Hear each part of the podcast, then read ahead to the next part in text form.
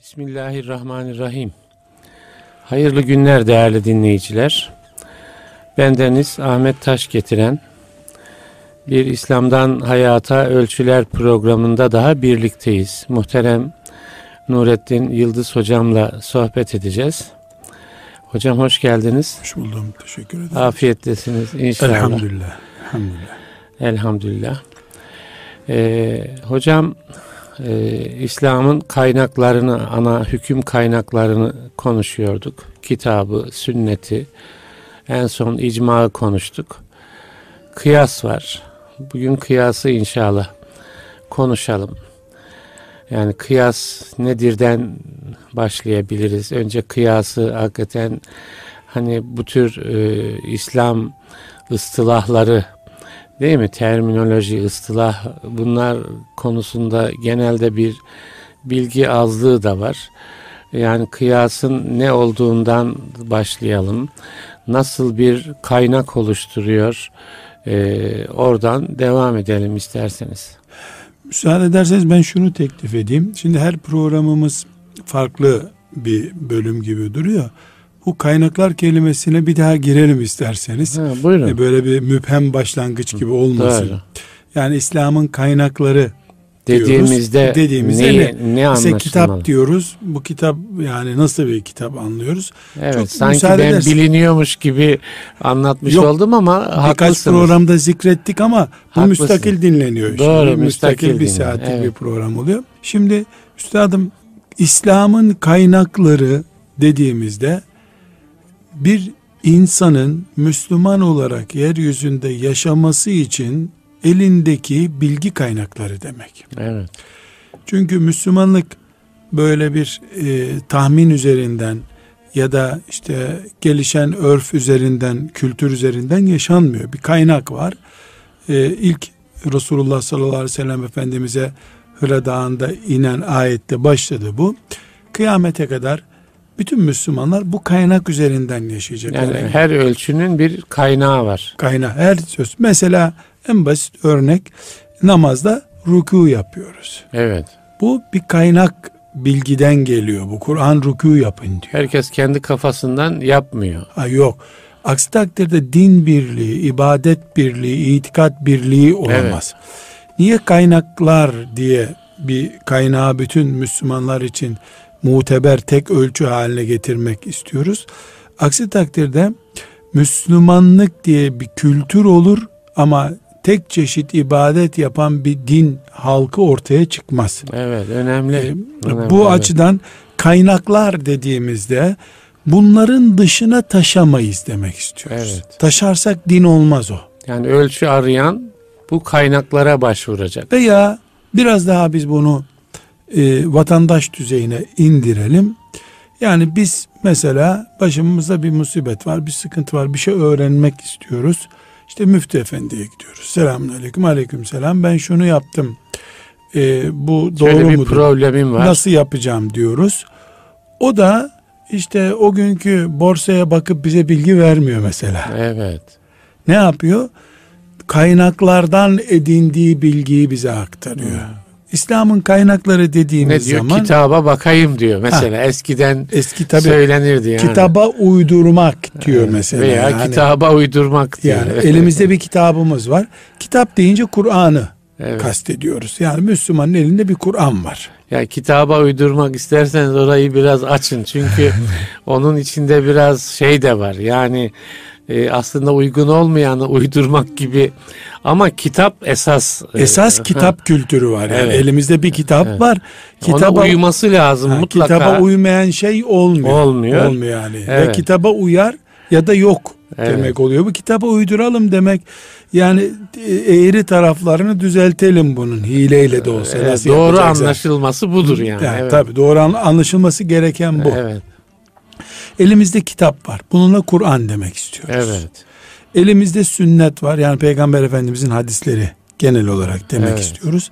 Bir de önceki dersimizde icma var demiştik. Evet. İcma da bir zaman dilimindeki bütün alimlerin, müştehitlerin söz birliği yapması Evet. bir konuda diyoruz. Yani gene de şöyle mi ve yani kitap ve sünnet asli kaynaklar. Bir Kur'an, kitap. Evet. Yani Kur'an ve sünnet asli kaynaklar. İcma mesela gene Kur'an'a ve sünnete bağlı olarak onları hani referans göstererek e, icma yapılıyor. Şöyle de diyebiliriz.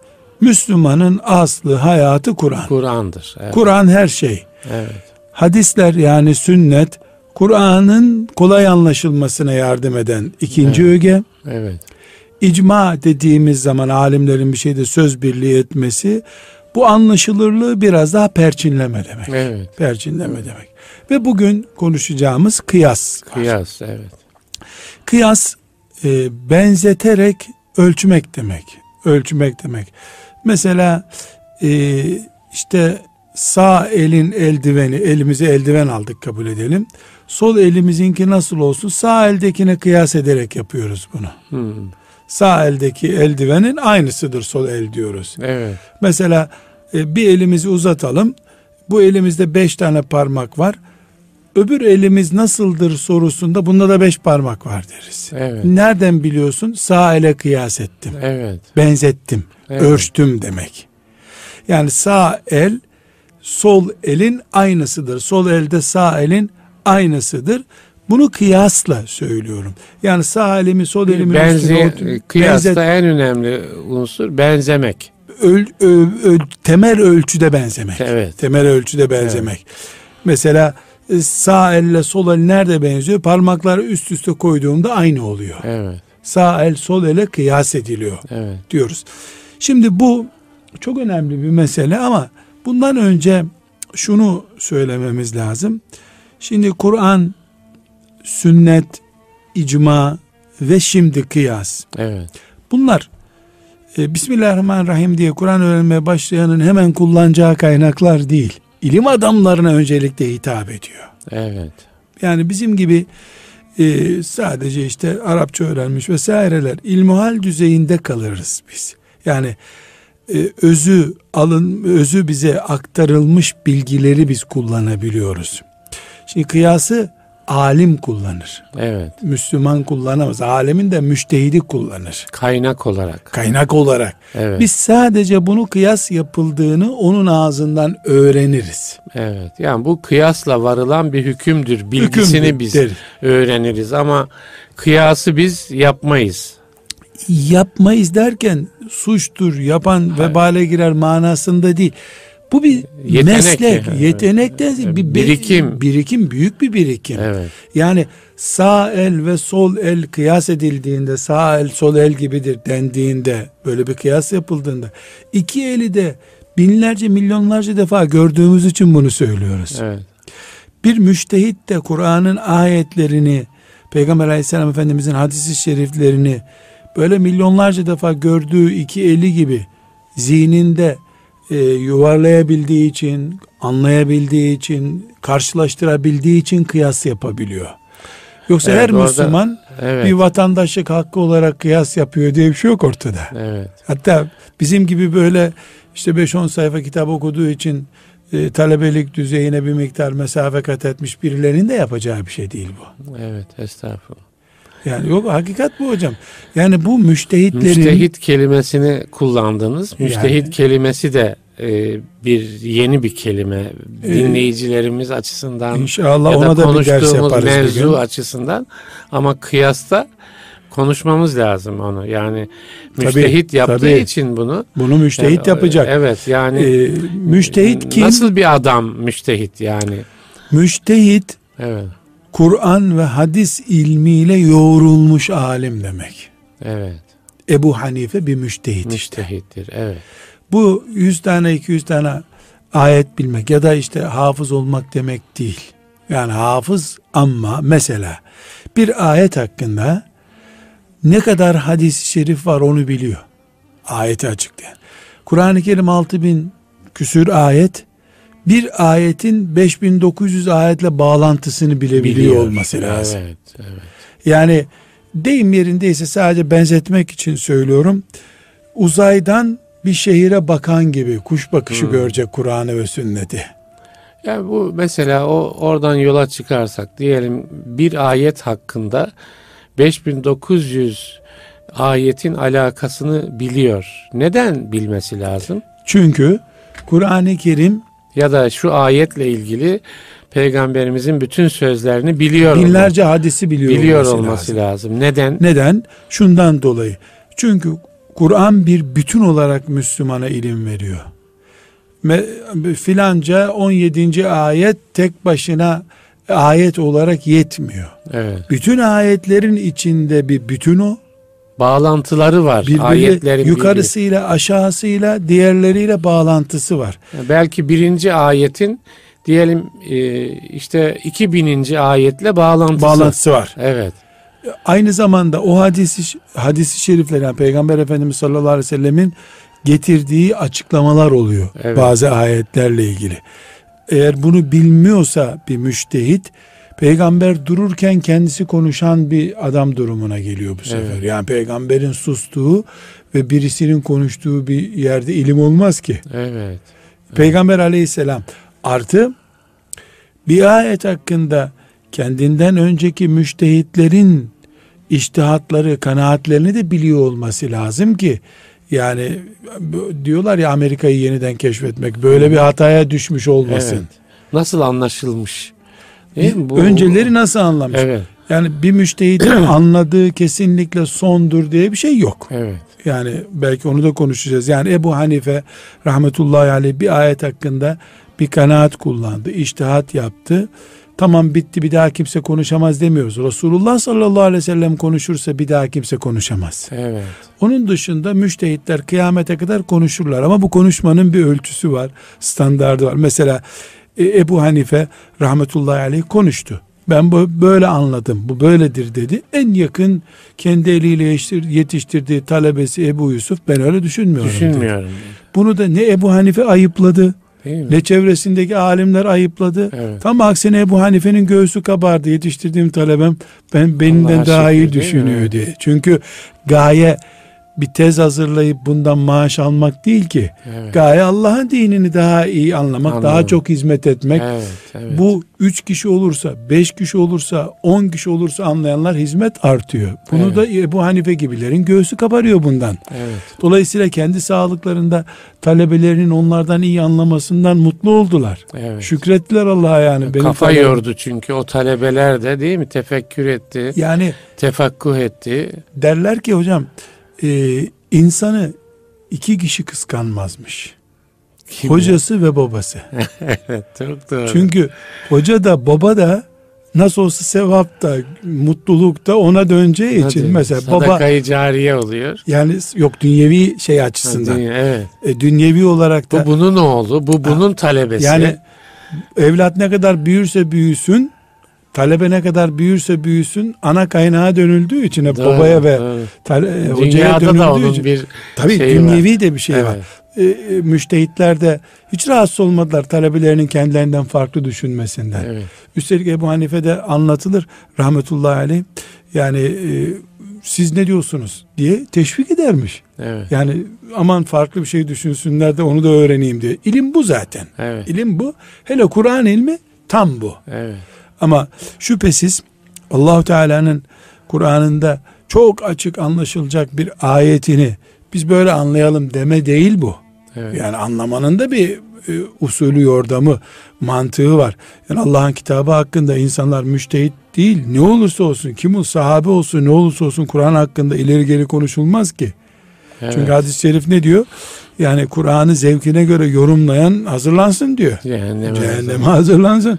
Yani evet. bundan büyük cinayet olmaz ki Allah'ın sağa gösterdiğini sol diye anlatmak. Evet, evet. Veyahut da üç dediğini beş demek. Hocam Ama şöyle bir soru sorsam.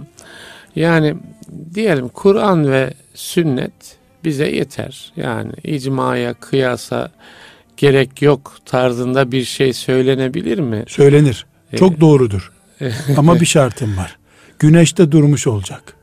Hayat ilerlemeyecek. Evet, değil mi? Hayat ilerlemeyecek. Evet. Yani Siz bunu ne zaman söylediniz? Çarşamba günü saat 14'te. Evet. Yeryüzünde çarşamba günü saat 15 olmayacaksa Kur'an ve sünnet bize yeter. Evet. O nasıl Hayat, ihtimal dışıysa diyorsunuz. Yani. Evet. hayat yenileniyor. Evet, yenileniyor. Her gün yeni. Biz zannediyoruz ki ya da insanların belki bir kısmı zannediyor ki e, modern çağ geldi de işte te, cep telefonu icat edilince e, her şey yenileniyor. Öyle değil canım.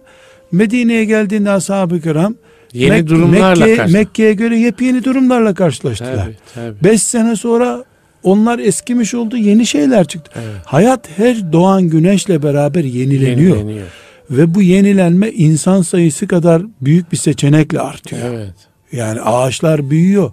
O zaman hep yeniden yeniden anlamak gerekiyor. Ya işte kıyas da buradan kaynaklanıyor evet. zaten. Evet. Ya diyeceğiz ki bizim gözümüzde hayat Resulullah sallallahu aleyhi ve sellem vefat ettiği gün bitti zaten. Ondan sonra canlı manlı kabul etmiyoruz. Ondan sonra din yok diyeceğiz. Dolayısıyla o gün Kur'an nasılsa öyle devam edecek. Biz biz de hiç ilerlemiyoruz ama hayat evet. öyle durdu olacak. Böyle bir e, yani gülünç denecek düzeyde bir iddia olur. Böyle bir şey olmaz. Hayat yenileniyor. Kur'an bunu eskiyen ölçüleriyle cevaplandırıyor. Karşımıza tahrif edilmiş Hristiyanlık çıkar o zaman. Evet. Yahudilik çıkar. Nedir Yahudiliğin aslı? Musa Aleyhisselam'ın getirdiği Tevrat'ı e, aldılar. Buna Musa Aleyhisselam'ın açıklamalarını muhafaza etmediler. 20 sene 30 sene sonra Musa Aleyhisselam'dan 40 sene sonra hayat yenilendi. E, başka yerlerden göçler geldi. Onlar başka yerlere göçe gittiler. Tevrat ortada kaldı deyim yerindeyse. Evet. Bunun üzerine ne yaptılar? E, din adamları olarak biz Yahudileri ortada bırakmayalım dediler. Peygamber gibi konuştuğunu kabul etti din adamları. Din adamları. İşte Kur'an-ı Kerim ne diyor? İttehazu ihbarum ve ruhbanum erbaben min dunillah. Hmm. Bu ha, sefer tanrı edindiler. Ha, niye tanrı edindi oluyor? Ruhbanlarını, din adamlarını niye tanrı ediniyorlar? Çünkü Tevrat geçen asırda kaldı. Evet. E, bu asırda ya diyecekler ki bizim dinimiz geçen asrın diniydi. E bir dindar olarak bunu söyleyemiyorlar. E ne demişti Musa aleyhisselam bu konuda? Onlar muhafaza edilmemiş. Enes İbni Malikleri yok. Evet, Ebu Hureyre'leri evet, yok. Evet, evet. O muhafaza edilmemiş. Bu sefer ne oldu? Oturdu, düşündü. Bu böyledir, uygundur dedi. Evet. Kendi kendine din adamları uydurdular. İnsanlar da Musa Aleyhisselam'a inanır gibi, Tevrat ayetine inanır gibi hahamlara inandılar. Evet. Hahamlara inanınca onların Allah helal da, dediğini helal, haram dediğini hahamlar haram. da baktı ki insanlar hiç itiraz etmiyorlar. Evet. E herkes evet diyor. Herkesin evet dediği bir yerde bir tür Rableşti, ilahlaştılar. Evet, evet. Bu e, ellerindeki kitabın üzerinden bir kıyas yapılamayışından kaynaklandı. Evet. Bizim için elhamdülillah böyle bir şey olmadı, olmayacak. Neden? Çünkü Allah kitabını gönderdi. En temel kuralları koydu bu kitap. Evet. Ama ayrıntıları koymadı. Mesela namaz kılmanın ayrıntısını koymadı. Onlarca ayet namazı emretti. Nasıl sorusunun cevabını vermedi ama. Evet. Peygambere bakın diyor. Evet. Ve ma ataakumur rasulu fehuzuhu. Size ne veriyorsa peygamber onu, onu alacaksınız evet. diyor. Peygamberi izlemeye mecbur etti Kur'an. Evet.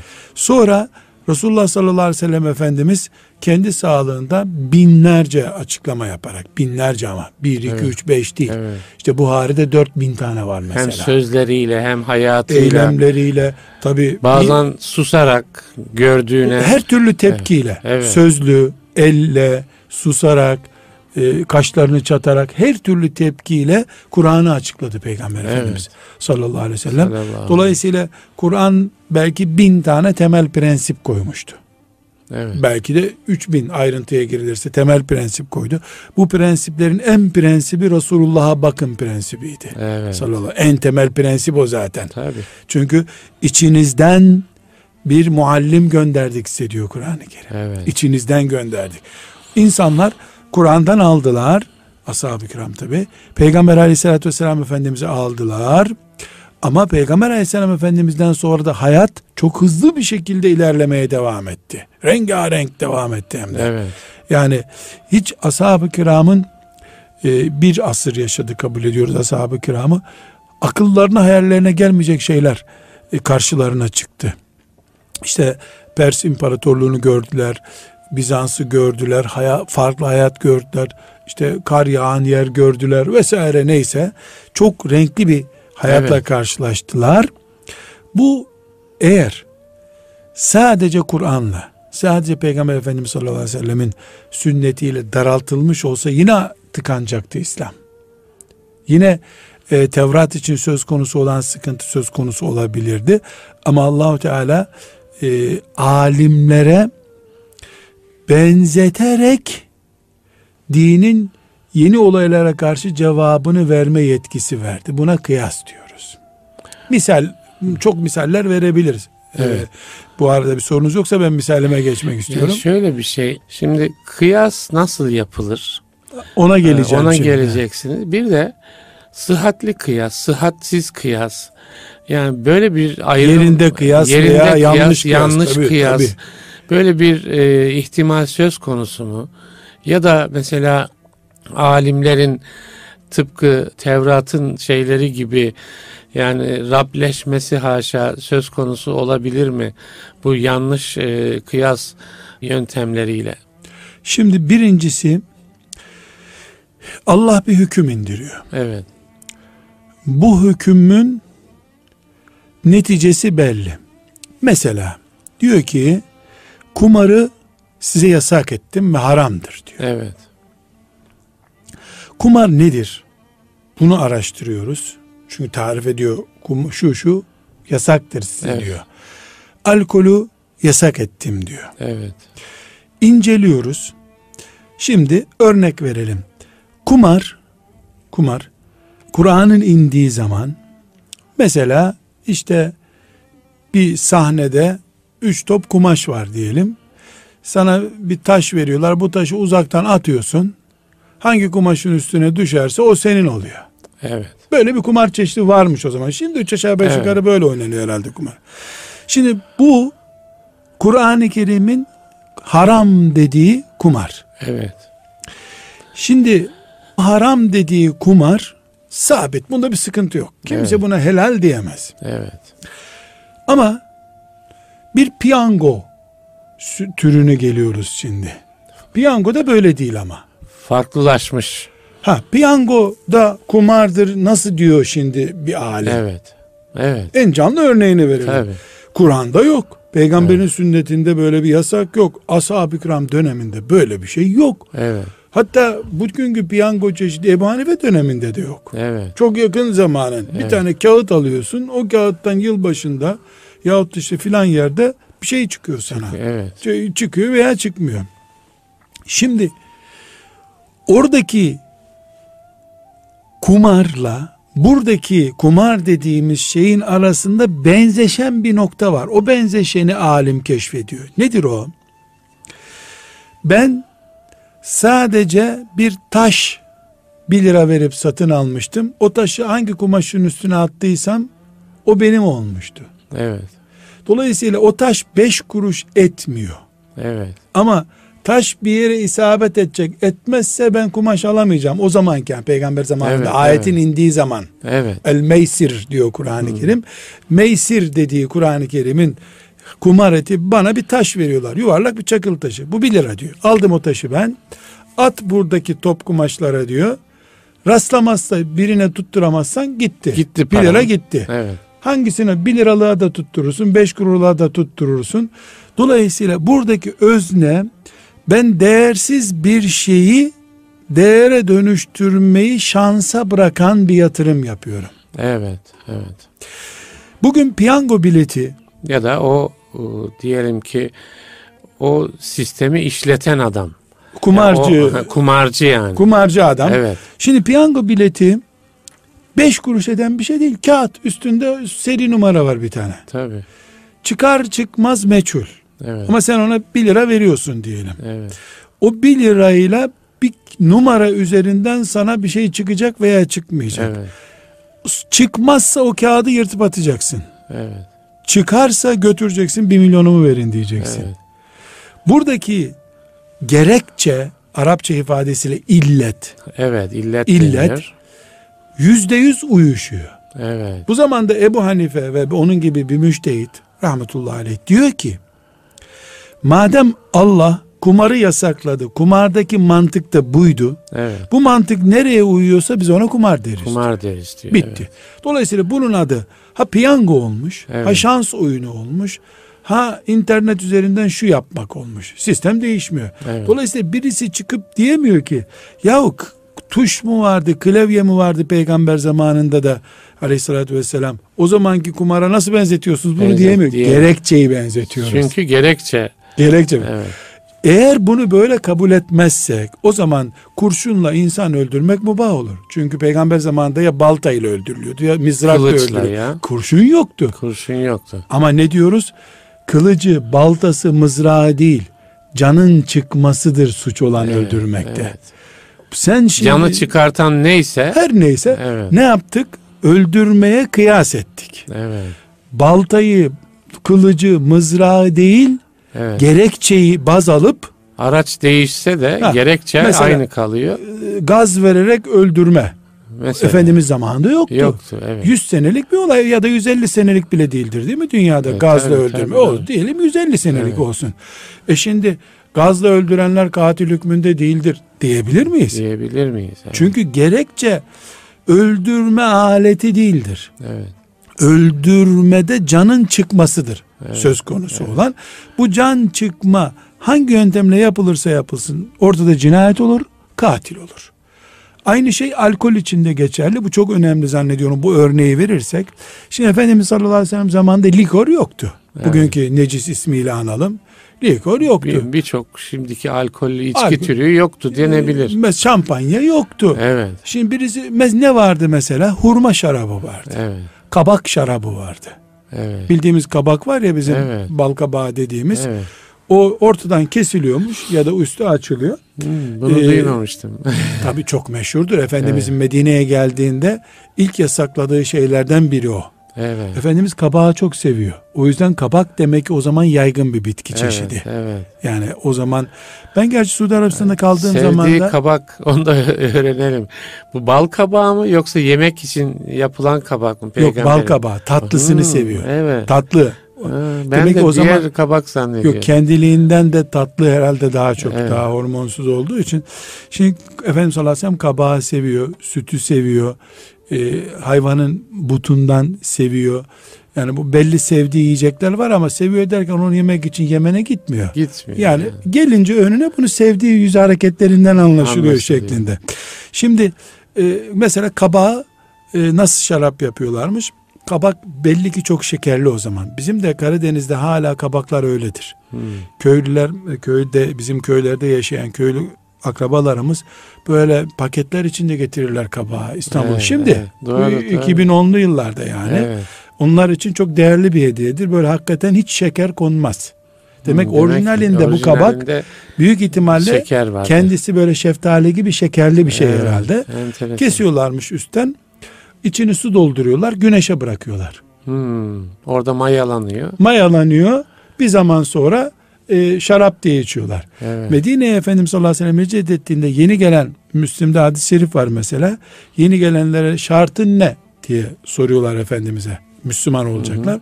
Efendimiz sayıyor sayıyor. E, mesela bundan şarap yapmayacaksınız diye de söz alıyor. Hmm.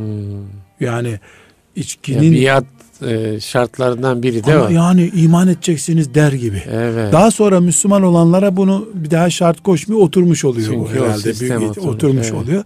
Şimdi burada yani şu anda e, Türkiye'de mesela belki ilk defa bizden duyuyordur pek çok insan kabağı kesip şarap yapıyorlar camın evet. önünde mesela. Ben, ben de ilk defa Ya, duydum. İlk defa böyle bir şey şimdi gündemde yok.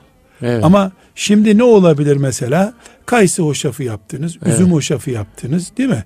Yaz günü onu balkona bırakın. Üç gün sonra geldiğinizde köpük köpük olduğunu görürsünüz. evet. Yani bizim yöremizde de bu üzümden yapılıyor veya işte filan tatlı nesneden yapılıyor. Şekerli glikozu Evet. olan bir maddeden yapılıyor. O zaman hurmadan veya kabaktan yapılıyor. Kabaktan yapılıyor. Şimdi e, bir Müslüman olarak biz dinimizin yasakladığı içki çeşitleri derken kabak ve hurmadan yapılanlar diye başlamıyoruz. Ne diyoruz? Sarhoşluk veren her şey yasak diyoruz. Evet. Çünkü Efendimiz sallallahu aleyhi ve sellem İllet sarhoşluk önce vermesi. önce kabak e, şaraptan böyle bir şarap yapmayacaksınız diye ikaz etti. Bunu kabul edildi. Sonra sarhoşluk veren her şey haramdır diye gerekçesini belirtti. Evet. İllet dediğimiz gerekçe ortaya çıktı. Bunu fakirler aldılar. Sen buna ister likörde, ister şampanyada, ister ne dersen, istersen saf su de adına. Beyaz su de, siyah su de, ne dersen de ismi önemli değil. Bundan bir kaşık alındığında beyine etki ediyorsa bu bitti. Bunun adı alkoltür. Evet. Hamr dediğimiz şeydir. İsminin meyveye göre, yapılış şekline göre değiştirilmesi veya kimyasal olarak yapılması. Evet. Mesela eskiden kimyasal olarak yapılmıyordu bu. Bu şimdi kimyasal olarak yapılıyor. Yapılıyor, Bildiğimiz alkol kimyasal olarak yapılıyor. Bunun içecek malzeme olarak kullanılması haramdır. Peki Ebu Hanife rahmetullahi aleyh veya diğer müştehitler, e, malikler bunu nasıl belirlemişler? Biz kabak tatlısından e, içki yapmak diyoruz. Onlar kabak tatlısından beyni uyuşturan şey yapmak diye özünü anlıyorlar bunun. Evet. Bugün kim beyni uyuşturan hangi içeceği yaparsa aynı hükmü ona geçerli sayıyorlar. Buna Evet, kıyas evet, diyoruz kıyas işte. diyoruz. Yani Evet. Efendimiz sallallahu aleyhi ve sellemin o hurma veya kabaktan e, üretilmiş şeyleri haram etmesindeki gerekçe yakalanıyor. Nedir bu gerekçe illet? Bu beyni uyuşturuyor. Evet. Çünkü İslam beş temel koruma maddesi alıyor. Bunlardan biri beyin. evet. Beyin korunacak diyor. Akıl. akıl, Akıl, beyin korunması, korunacak diyor. Bu beyine zarar kurşunla da verdiğin zaman veya bir insanın kafasını duvara vurup beyin sarsıntısı geçiriyorsun. Bu nasıl haram? Bu nasıl yasak? Bir bardak beyine uyuşturma etkisi yapan herhangi bir içecek de haram. Evet. Buradaki e, alimlerimiz neyi neye benzetiyorlar? Resulullah sallallahu aleyhi ve sellemin kabak tatlısını yasaklayışındaki gerekçeye tatıyorlar. Hikme, evet. Kabak yasak değil. Tabii. Onun içine su konması da haram değil. Evet. Ama mayalanıp, köpüklenip, uyuşturacak hale geldiğinde yasak oluyor bu Yasak sefer. oluyor. Evet. Bu hayatın her şeyi için geçerli, bir tek şeyde geçerli değil. İbadetlerde geçerli değil kıyas. Evet. Mesela Peygamber Efendimiz sallallahu aleyhi ve sellem sabah namazı 4 işte 2 2 4 rekattır buyurdu. Biz buna kıyas ederek sabahla öğle arası boş vakit oluyor. Günler çok uzun. 3 rekatlik veya 4 rekatlik bir namaz daha koyalım deyip ibadette kıyas yapamayız. Yani yeni ibadet üretilemez. Üretilemez. Evet. Bu olaylar ibadetlerin dışında kalan günlük hayatımıza dair meselelerde yenilenme oluyor. Evet. Çünkü o zaman da 24 saatti dünya hayatı. O zaman da insanlar gece yarı, gece uyuyor gündüz yani. O mekanizmasında dünyanın bir değişiklik yok. Evet. Giyilen elbisede değişiklik var. Mesela çok basit bir misal e, örnek olarak zikredelim. Şimdi erkeklerin erkek Müslümanın ipekten mamul bir şey giymesi haram. Haramdır. İpekten mamul bir şey giymesi haramdır. Evet. Kadınlara ise helaldir. Evet. Şimdi e, bu kıyamete kadar geçerli. Erkek Müslüman ipek bir gömlek giyemez. Evet. İpek mindere oturamaz. Bayanlar için serbest ama bunu Evet. özellikle vurgulayalım. Bu nas dediğimiz ayet veya hadis türü bir şeyle sabit olduğu için bir Müslüman kalkıp da bunu beş asır sonra değiştirelim diyemez. Evet. Ama şöyle bir sorun olur ya da şöyle bir şey çıkar karşımıza. Bugün bir kumaş çeşidini de fabrikalar ipek adıyla üretiyorlar. Aslında ipek değil. Aslında ipek, ipek nedir? İpek. İpek, ip- bir ipek. hayvanın Heh, e, arıya benzeyen çalışma sistemi olarak arıya benzeyen bir hayvanın İpek ürünü. böceğinin Yani ipek böceği olan yani daha işte kelebekler dönüşüyor filan vesaire ya.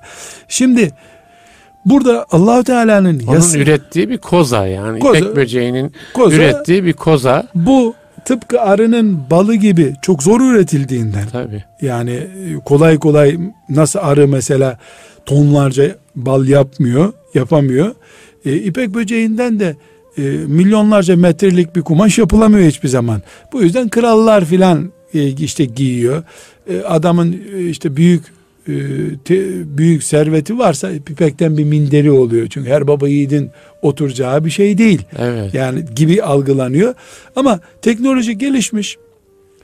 E, kumaşın bir çeşidine ipek demişler. Parlaklığını da ona benzetmişler. Al sana işte ipek.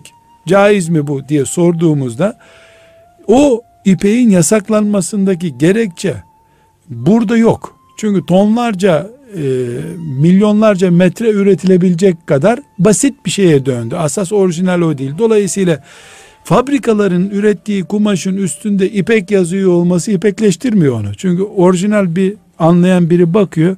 Hadi be bu orijinal değil diyor sen bunu diyor kime kandırıyorsun diyor. Peki orada o kıyas için e, bir gerekçe benzeşmesi İşte e, gerekçe ne burada?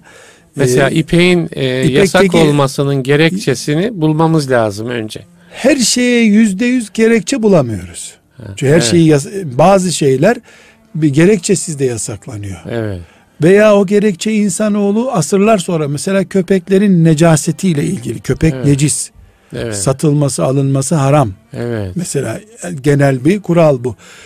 Bu henüz bilinmiş bir şey değildir. Belki kim bilir 2500'lü yıllarda insanoğlu köpekle ilgili büyük bir keşif yapacak. Evet. Yani köpeğin belki bugünkü mevcut kanser mesela yani köpeğin e, bir mahallede dolaşmasından kaynaklanıyor belki. Belki yani. Bilmiyoruz ama Hiçbir şey evet, bilmiyoruz. Bilmiyoruz. Dolayısıyla bu hükmü Allah bilir deyip bekletiyoruz. Evet. Sabit bir hükümse. Bunu Allah bilir Yani diyor. gerekçesini bilemediğimiz, anlayamadığımız İpekteki durumlarda- gerekçe Hı. e, genel olarak şeriatın naslarında dünyada erkeğe yasak, kıyamet günü ise cennette ödül. Evet. Çünkü dünyada e, insan oğlunun temel gururlanma maddelerinden birisi bu. Hmm. Erkeğin ise bir ipek üzerinden gururlanacak, kibirlenecek bir kafa yapısına sahip olmaması gerekiyor. Zinet zinet kadına ait bir hak. Evet. O yüzden altın da Altın da erkeğe erkek haram. için haram. Bu mantıktan dolayı haram. Evet. Ama bu yüzde yüz değil. Allah biliyor bunun temel illetini. Ha, Sadece hadisi şeriflerde ipucu veriliyor bu konuda. Hmm. Fabrikada üretildiği zaman on binlerce metre normal e, ipek kumaşla pamuk kumaş yan yana satılıyor zaten. Evet. Ama öbürü yan yana satılmıyor. Bir O şehirde zaman şuraya mı geliyoruz? Şimdi e, akla gelir o. Yani bu e, piyasada ipek diye satılan e, kumaşların erkekler tarafından kullanılması e, yani o haram kapsamına girmez. o Ona mı geliyoruz? yani adına ipek denmiş olması ipekleştirmiyor. Her sarı altın olmadığı gibi. Evet. Sarı altın orijinal ipek için haram diyoruz. Ama bir kumaşın e, ipek cinsi diye piyasaya sürülmesi uzmanı tarafından hiçbir zaman onu ipekleştirmiyor. Evet. Baktığında bu ipek değil diyor. Tıpkı ç- Ama sanki şöyle yani genelde Müslümanlar arasında o tür ipek diye satılan şeylerin erkekler için haram olan ipek olduğu anlayışı vardır. şimdi ona geleceğim. Evet. Yani e, giymeli mi bir Müslüman, Hı, giymemeli mi ona Evet. söyleyeceğim. Çıplak kalırsa giymeli. Yani çıplak kalırsa zaruret var ortada. Zaruret var. Yani şeriatımızın bizden bu kadar sanki bir e, başka bir şey kalmamış gibi böyle bir emrini zorlarsa bir Müslüman işte 40 dereden su getirip bu helal midir değil midir derse bu çok hoş bir şey değil yani. Evet. Müslümanın bu kadar nimetlerinin Allahu Teala'nın e, gökyüzüne kadar yükseldiği bir zamanda bu noktayı şeriatını zorlamaması lazım. Mesela çok önemli hocam. Altın Evet. bir erkeğin parmağında işte 500 lira etmez herhalde bir yüzük. Evet. En değerli altın da olsa. Alyans evet. Ama mesela çok değerli taşlar var 5 milyon belki. Onu haram etmiyor şeriatımız. Değil mi? Evet. Hikmet ilahi yani bu sadece altında böyle Altında bir böyle e, bir- çizili madde var. Altın haram. Yani madem force atacaksın git bunu başka bir madde üzerinden at. İşte filan elması tak mesela haram değil günah değil. Evet. Yani onun yüzde bir kadar değersiz olan mesela filan elmastan şu kadar daha değersiz olan bir altını sadece toplum böyle e, cazip görüyor diye parmağına takması bir Müslümanın zafiyettir bu. Evet. Bunu iman zafiyeti demiyorum ama bakış zafiyeti. bu. Evet. Yani bakış Güzel, zafiyeti. Güzel. İpekte de geçerli bu. Evet. E, altında da geçerli. Şimdi özellikle konumuz ipek konusu değil. altın konusu değil, alkol kıyas, konusu kıyas da değil, konu, kıyas evet. ediyoruz. Yani evet. fakih dediğimiz yani dini, müştehit dediğimiz, dini, dediğimiz. müştehit, fakih hepsi aynı manada. Evet.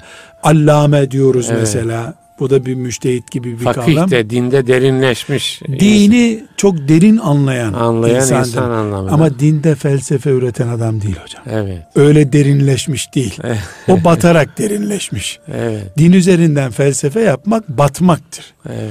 Dinin o deruni dünyasına ölçüleriyle girmiş. Evet. Allah'ın kitabı bir numara, sünnet iki numara, ümmetin icma üç numara, fukahanın önceki fakihlerin, müştehitlerin kıyasları dört numara. Bu mantık üzerinden yürümüş Şöyle birisi. de bir şey yani tabi bu kıyasla birlikte müştehidi de iştihadı da e, birlikte konuşmak gerekiyor. Yani müştehidin demin siz dediniz ki işte Kur'an'ı iyi bilmesi lazım. Sünneti iyi bilmesi lazım. Onun dışında da acaba yani e, hüküm çıkarma konusunda hassasiyet bakımından yani e, İslam'ın ölçülerine hassasiyet bakımından bir karakter özelliği e, işaretlenebilir mi hocam? Şimdi tabi hocam e, inşallah sözümüz haddini aşmış bir söz olmaz. Yani biz müştehit e, derken sadece bilgi stokçusu demiyoruz. Müslümanların derdiyle dertli alime müştehit diyoruz biz. Evet. Herhangi bir oryantalist çok şey biliyor, biliyor olabilir. olabilir. Evet. Ya da bilgisayarın önünde oturan birisi e, güçlü bir e, İslam kütüphanesi yüklenmiş bir programla allamedir. Evet. Yani iştihad etmek Müslümanların e, dinlerini, Müslümanların ümmetini, Müslümanların imanını, geleceğini dert edip uyuyamayan adamın işi hocam. Evet. Kültürel faaliyet yapan birisinin işi değil. Dolayısıyla bizim e, diyelim hani bizim kelimesini bu bahsettiğim standardı belirlemek için söylüyorum. Bizim bir müştehidimizin yanılmış olması bile sevaptır. Evet. Hay Allah razı olsun deriz yanılgısına bile. Yanılgısına bile. Bizim olmayan yani ümmeti Muhammed'den olmayan, derdi ümmeti Muhammed olmayan sadece akademik bir ünvan kazanmak ya da işte şöhret yapmak veya basına hizmet etmek neyse artık. Evet. Gayeli birisi doğru söylemiş olsa bile bize yaramaz. Evet. Atar gideriz. Doğrusu bile lazım değil onun. Evet. Bizimkinin eğrisi de bizimdir. Onun için Ebu Hanife rahmetullahi aleyh üç iştihadında yanılmış olsa bile mesela Bizim imamımızdır. Bizim imamımız. Niye? Bizim o çünkü. Evet. Bu ümmetin çocuğu. Evet. Yani buradaki meselemiz bizim bir defa bir kıyas yapmak. Evet. Yüzde yüz tam Allah'ın dediğini demek değildir. Bu mümkün değil. Gene de Allahu alem. Yani ne ne yaparsa yapsın evet. müştehit. Ne kadar isabet ederse etsin. Allah kabul ederse o dediğini o hüküm olacak. Ama evet. biz mesuliyet altında kalmıyoruz. Neden? Kul olarak Rabbimizin önümüze açtığı sınır bu kadardır. O sınırlar kadar çalışıyoruz. Gayret ediyoruz. İmam Malik'in peşinden gidiyoruz. İmam Şafii'nin peşinden gidiyoruz. Onu da putlaştırmıyoruz ama. Putlaştırmıyor. O da çünkü Allah böyle dedi Kur'an'da dediği için. Bunu da buna benzettim dediği için. Valla bana böyle uygun görüyor çocuklar bundan sonra şöyle yapın namazı şu kadar kılın dese ona bir daha bizim imamımız dedim. Ne demek sana göre namaz kılacağız? Evet. Ben Peygamber aleyhisselamın şu sözüne baktım bunu da ona benzettim dediği için yani bizim dairemizin içerisinde ümmeti Muhammed'in e, değerlerinin ortasında kalan bir müştehit müştehittir. Yoksa bu standartların dışında çok şeytan herkesten çok biliyordu zaten. İblis allameydi yani. Evet. Bir, bir, onun bilgisinden bir istifade edecek halimiz yok. Dolayısıyla kıyas toplumun menfaatlerini tatmin etme güdüsü değildir ümmetin içinde. Bu da çok önemli. Biraz açalım bu şeyi. Açalım tabi.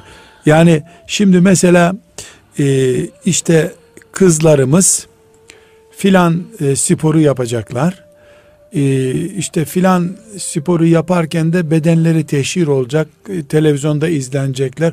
Ama ashab-ı kiramın kadınları da Uhud'da su taşımışlardı. Ona benzetiyoruz şimdi. Hmm. Fesubhanallah böyle bir şey olur mu ya? Evet. Ashabın kadınları spor yaparken kameranın önüne mi çıktılar? Ne demek bu? Evet. Yani benzettiğimiz şey gülünç denecek kadar farklı. Evet, evet. Yani peygamber öldü diye haber gelmiş Medine'ye. Onlar da koşmuşlar bir yardımımız olsun diye. Sen spor yapan kızları televizyonda göstereceksin. Ashabın kadınları da Uğud'a gitmişlerdi. Böyle bir benzetme yapmıyoruz. Ya bunu niye yapıyorsun dendiğinde de aksi takdirde bizim kızlarımız hantal oluyor, kül oluyorlar. Onlar da spora teşvik için böyle bir şey görüyor. yani yaptığımız kıyas, iştihat toplumumuzun gazını almak için olmamalı. Hmm, evet, çok müthiş bir şey. Yani evet. Müslüman toplumun İslam'ın özünden geri doğru gidişini din yastığına oturtmak olmamalı bu kıyas ve iştihat. Evet. Bu hıyanet olur. İçini rahatlatmak için yani günah da işlemiyoruz bunu yaparken e, demesine yol açmak için falan olmamalı. Yani mesela e, modern bir örnek verelim.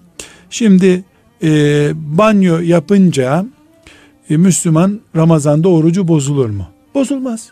Çok basit su alabilecek bölümlerinden insan vücuduna su kaçırmadıysa banyo yapmak, duş almak bozmaz. E, yüzme yarışı yapalım mı şimdi Ramazan'da madem böyle bir ruhsat var? El insaf. El insaf.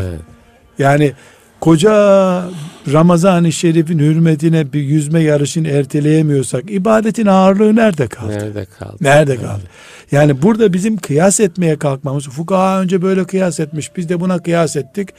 İşte ya bir dakika bu sadece e, su kaçma meselesi mi vücutta oruç bozulma? Oruçlu bir insanın performansı düşük olacak yüzmede Bunları niye düşünüp de orucu öne çıkaralım, orucu feda etmeyelim de yüzmeyi feda edelim demeyelim. Evet, evet. Yani, yani burada yüzmeyi feda etmemek için orucu e, feda ediyorsun. Yani bu, bunun gibi yüzlerce örnek bulabiliriz. Doğru. E, bu da hep işte ashab-ı kirama, İmam-ı Azam'a benzeterek yapılan işler.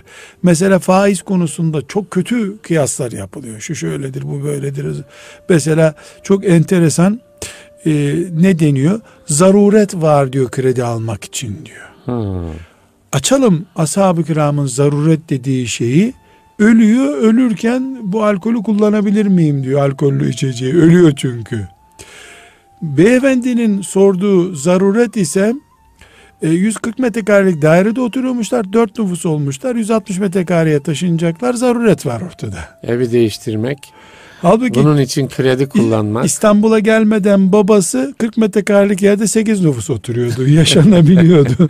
Üstelik hiçbir teknik cihaz yoktu. Evet. Ha, burada ne yapıyoruz? Hayat müreffeh hale geliyor.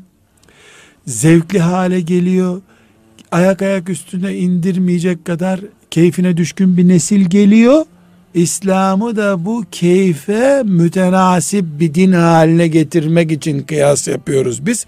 Bu din pazarlamaktır. Evet. Bu Allah'ın şeriatıyla oynamaktır. Nefsimize, zevkimize uydurmaktır maazallah.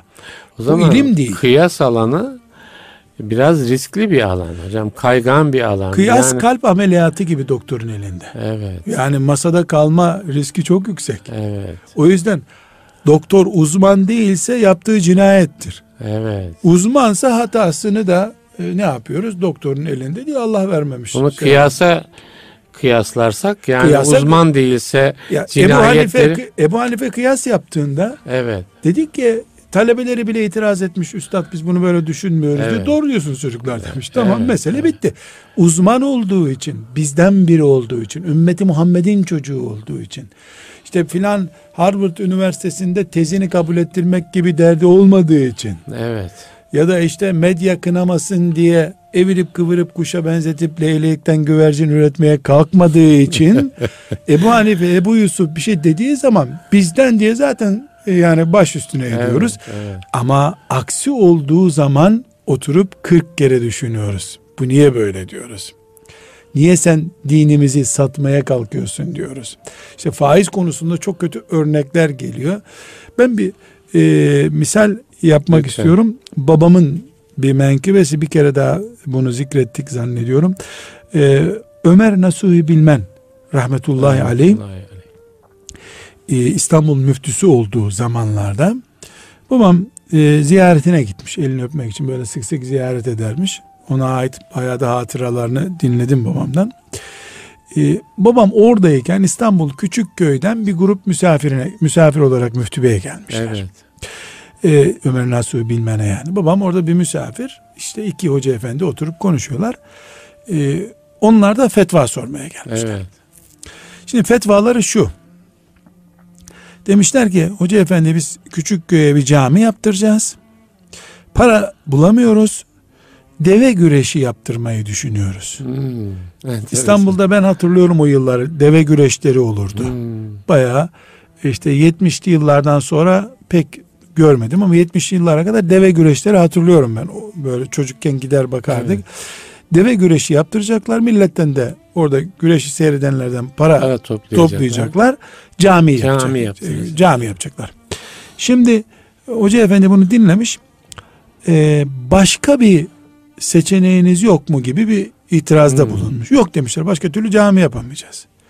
Hoca efendi de buyurmuş ki e, siz hayvanlara eziyet edip eziyet edip Allah'a ibadet edecekseniz kalsın o ibadet demiş. Güzel. Kalsın o ibadet demiş. Şimdi burada bakın çok önemli. Ee, Allah rahmet etsin Ömer Nasuh Men Efendi deve güreşi caiz mi değil mi filan o açıdan girmiyor. Evet. Belki deve güreşi caizdir bir spor çeşidi olarak Evet. o açıdan girmiyor ama cami gibi namaz gibi bir ibadetin bu kadar basit bir mantığın üzerine kurulmasından rahatsız. Evet. Bu gerçekten muhteşem bir şey hocam. Muhteşem bir şey. Doğru. Şimdi ben olsam müftü olsaydım bana gelselerdi hemen ilk açacağım şey deve güreşleri caiz mi ona bakardım. E, caizse caiz yapın bunu. Ama hoca efendi öyle bakmamış. Allah'ın e, namaz için emrettiği bir ibadethanenin hayvana eziyetle kurulmasını kurulması. aklına sığdıramamış. Evet. E, Kalbine, vicdanına Sığdıramamış. Sığdıramamış. Yani şimdi kıyas yapacağız diyoruz ama bunu niye yapacağız? Menfaatlerimiz, zevklerimiz, çocuklarımız, fobilerimiz, hobilerimiz tatmin olsun diye mi? Evet. Yani bu ise İslam kıyas der, kıyası dördüncü kaynaktır derken bunu kastetmiyor. Evet. Yani bizim menfaatimiz değil Allah'ın rızasını esas alacağız ama hayat elimizde donuk bir pakete dönüşmesin diye de elbette Rabbimizin çizdiği çizgiler dahilinde kalarak kıyas yapacak alimlerimiz. Ama bu herhangi bir bizim gibi işte imam hatip bitirmiş birisinin yapacağı bir iş değil. Çünkü gördüm dediğinden bir şey göremiyorsun aslında Evet. sen. Yani bu alkol alkol diyorsun. Alkolün altında da bir sürü ham madde daha var. Bu sebepledir ki mesela fıkıh kitaplarında bakıyoruz. On binlerce kıyas var fıkıh kitabında. Evet. Bu yani belki on bin diyorum ben yüz binden de fazla bir kıyas toplanabilir. Şöyle bir gün içerisinde yapılmış kıyasları internetten veya işte bilgisayar üzerinden toplasak yüz binler çıkar karşımıza tarih boyunca yapılmış. Evet. Şimdi bakıyoruz büyük bir müştehit. Mesela Ebu Hanife işte hep müştehit deyince yani o akla Hı, geliyor da tek müştehit değil ama bütün insanlar fıkıhta onun çoluk çocuğu durumunda olunca adı hep onun Evet, akla evet. geliyor rahmetullahi aleyhim Yani cemiyan. birlikte İmam Şafii'yi sayabilirsiniz. Hepsi hep yani Ahmet bin Hanbel'i sayabilirsiniz. bu mektebin talebeleri hepsi. Evet, hepsi evet. mektep. Onların her birinin binlerce talebesi var. Talebesi Hala geliyor elhamdülillah. Şimdi kıyas yapıyor. Böyle büyük bir isim. Kıyas yapıyor. Bu kıyası A'yı B'ye benzetiyor. C'dir sonuç diyor. Evet. Tamam. Şimdi biz böyle uzaktan bakıyoruz. Hepimiz teslim olduk. Ebu Hanife kıyas yaptı diyoruz. Ama bakıyoruz ki Ebu Hanife'den sonra gelen biri bu kıyas yanlış diyor. Evet. Allah Allah. Bu bunun rakibi mi, düşmanı mı? Yo, en candan talebesi. Evet. En candan talebesi. Bu kıyasta Şurası şu benzetme yanlış diyor mesela. Ha, şimdi Ebu Hanife bin üzerinden bin puanlık bir müştehit alim diyelim. Ebu Yusuf bin üzerinden 980'lik diyelim. İmam Muhammed 975'lik diyelim. Sembolik şeyler böyle bir Evet, rakam yok evet. ortada. Şimdi bir de Ebu Hanife ile benim gibi birini, Ebu Yusuf'la benim gibi birini ölçsek eksi bine çıkıyoruz neredeyse rakam. Evet. Yani bırak sen binin 900'ü eksilere iniyoruz. Evet. Nedir bildiğimiz, ettiğimiz, takvamız, zühdümüz, fedakarlığımız, teheccüdümüz her şeyi sayarsan bizim konuşmamamız lazım. İşte o büyük rakamlı insanlar bile bir iştihat yapıyorlar, kıyas yapıyorlar. onda bir miktar sıkıntı buluyor talebesi. Tam evet, isabet evet. etmedi diyor.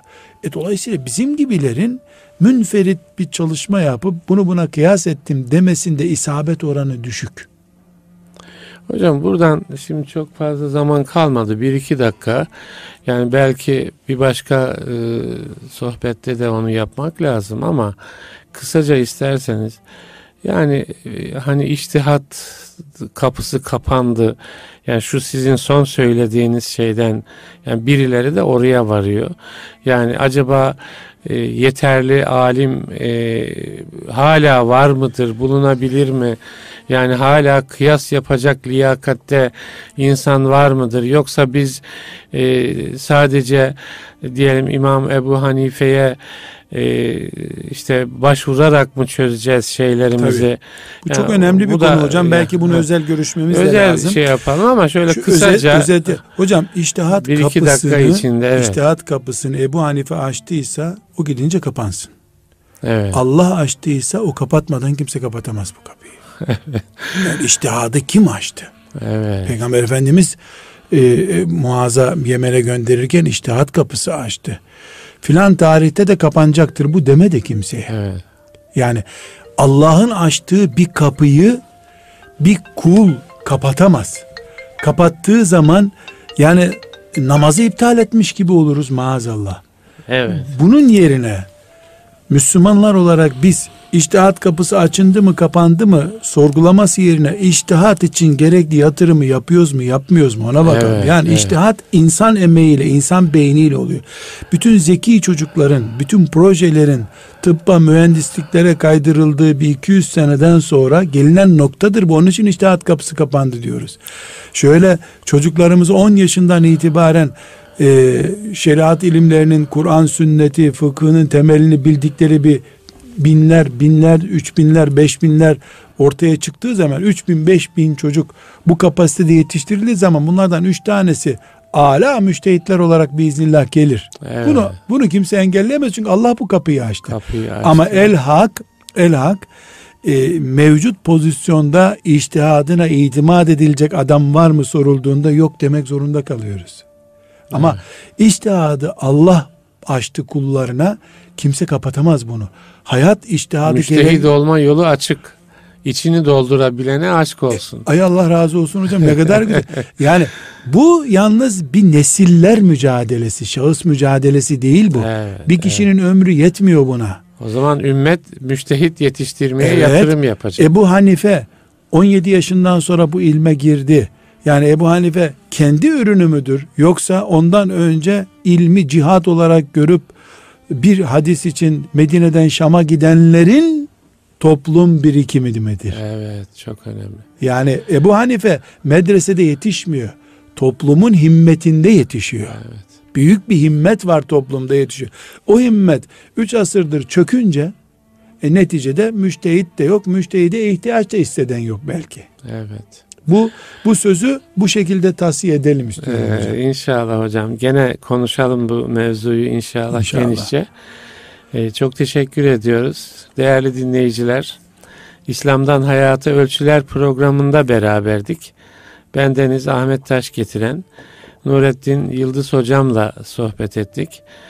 Programın sonuna geldik. Kıyası konuştuk. İslam'ın kaynaklarından kıyası konuştuk. Ee, bir başka programda beraber olmak dileğiyle.